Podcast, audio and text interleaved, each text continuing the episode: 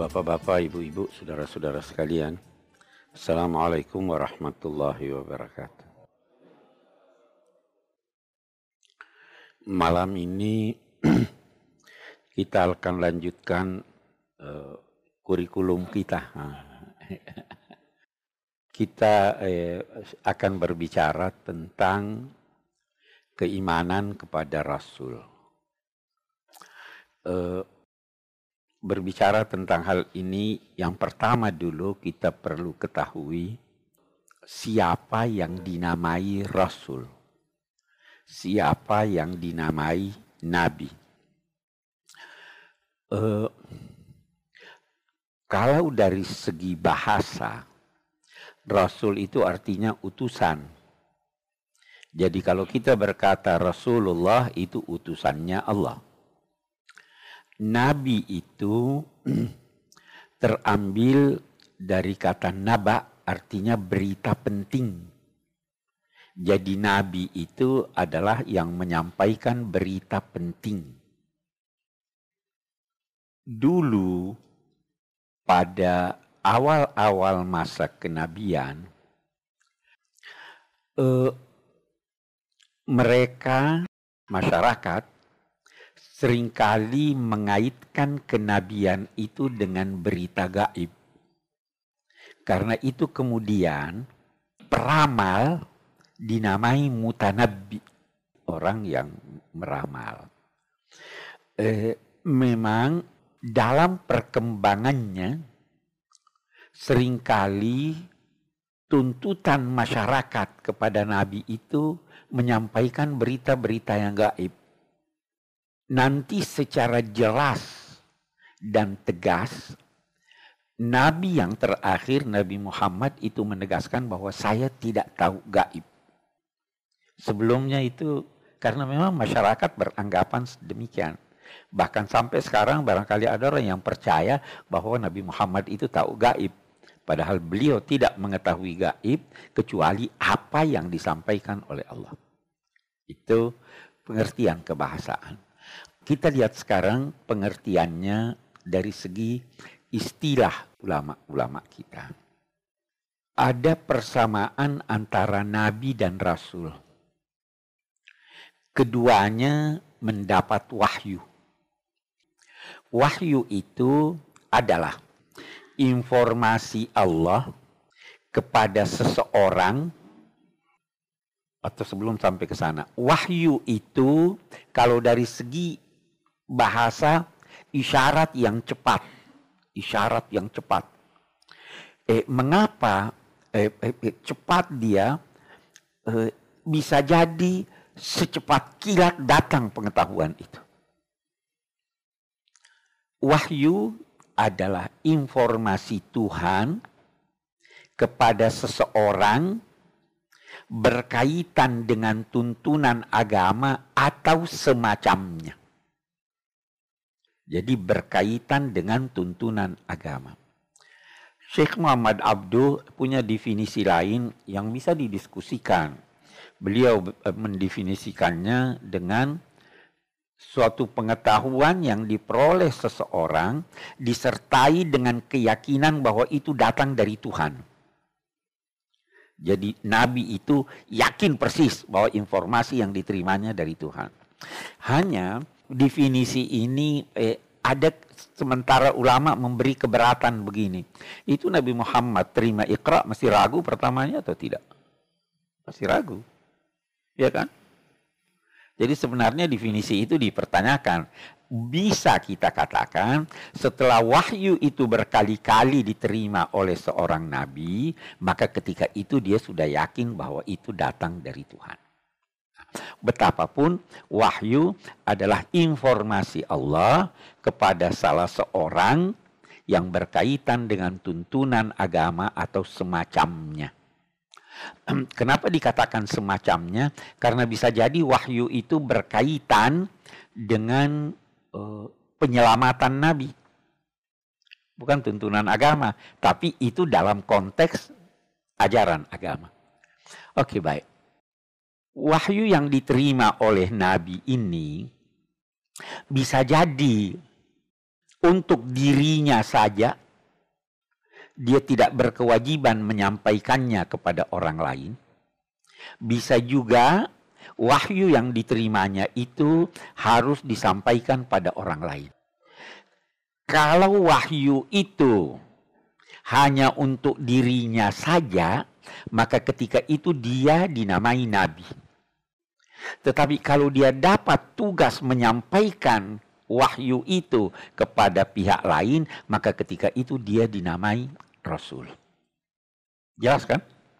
Jadi perbedaan antara nabi dan rasul itu salah satu di antaranya, ini saya ambil pendapat yang paling populer. Salah satu di antaranya bahwa yang rasul itu bertugas menyampaikan risalah Tuhan. Kalau nabi tidak bertugas. Nah, itu sebabnya ada yang berkata begini. Iqra itu pengangkatan eh, pengangkatan Sayyidina Muhammad sebagai nabi. Karena dia disuruh baca-baca ini ini ini.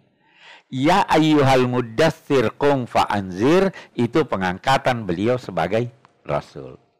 Jadi semua rasul itu nabi tapi tidak semua nabi itu rasul. Oke, ini jelas.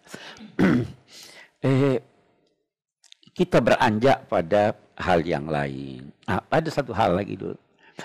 Kalau banyak ulama berkata nabi itu lelaki. Sampai dalam definisinya itu lelaki yang menerima.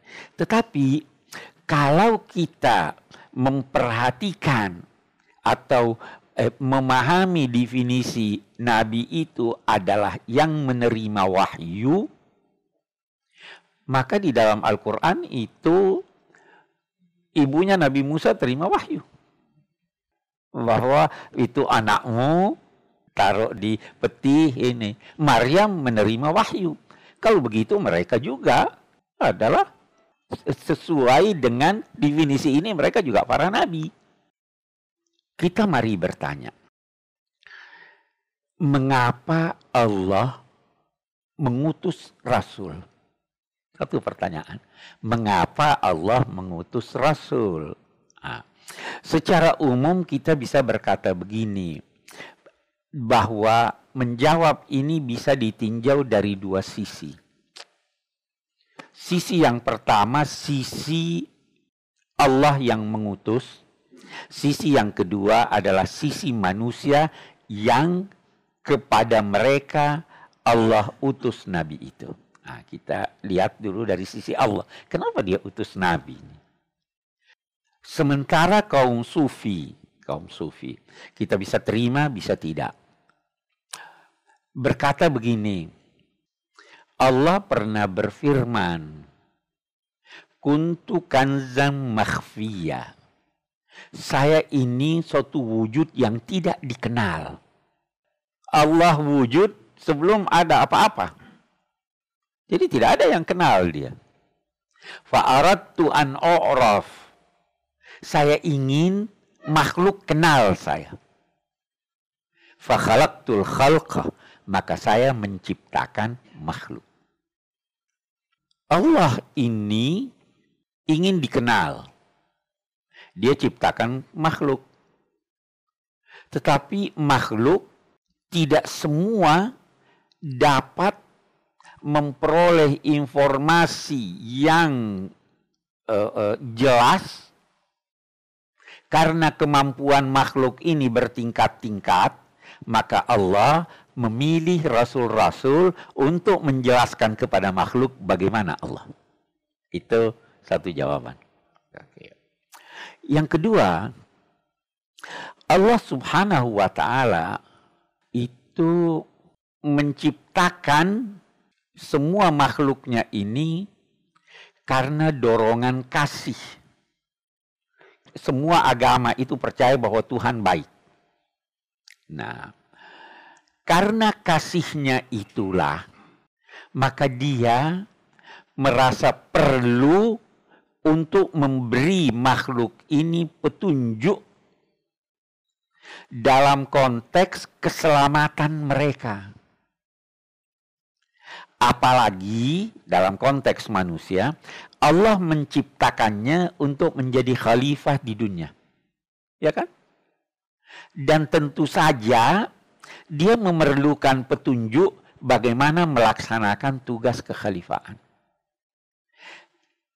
Bagaimana dia memelihara dirinya, bagaimana dia melaksanakan tugas-tugasnya, maka karena itu dan karena tadi saya sudah katakan, karena tidak semua manusia bisa berhubungan langsung dengan Allah, dia pilih orang-orang tertentu yang memiliki kemampuan, dia sampaikan kepadanya untuk dia sampaikan kepada masyarakat. Di sini lahir Rasul.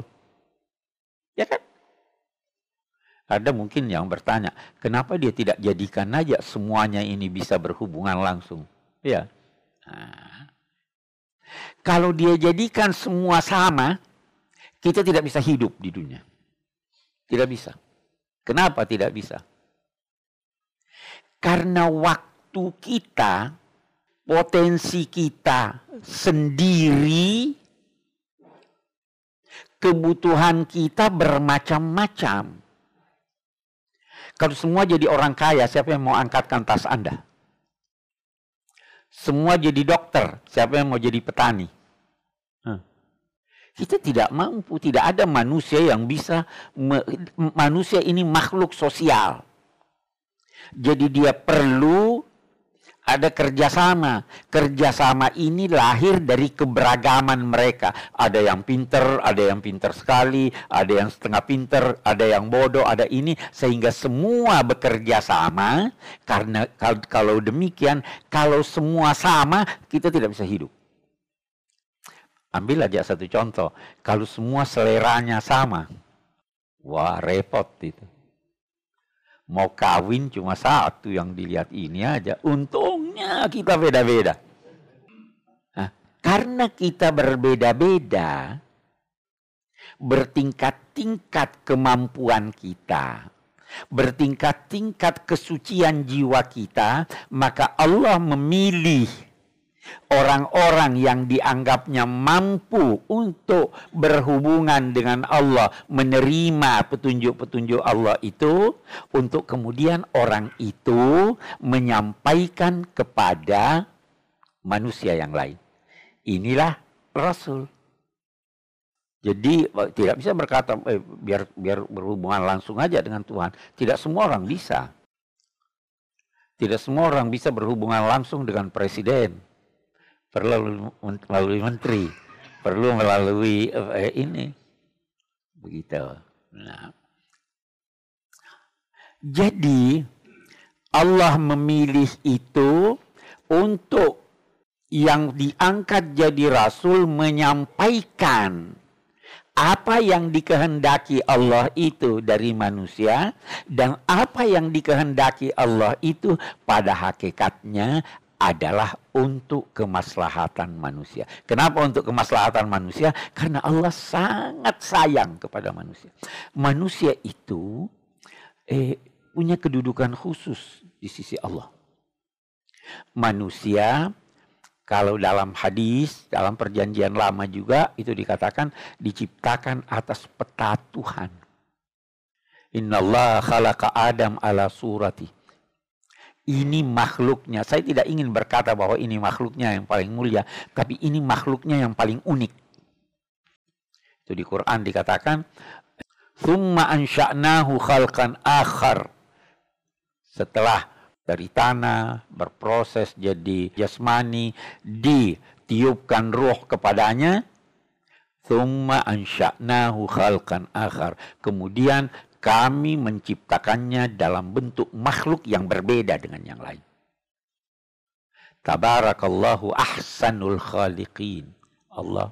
Oke. Okay. Laqad khalaqnal insana fi ahsani taqwim. Jadi ini unik. Jadi harus diberi petunjuk yang unik.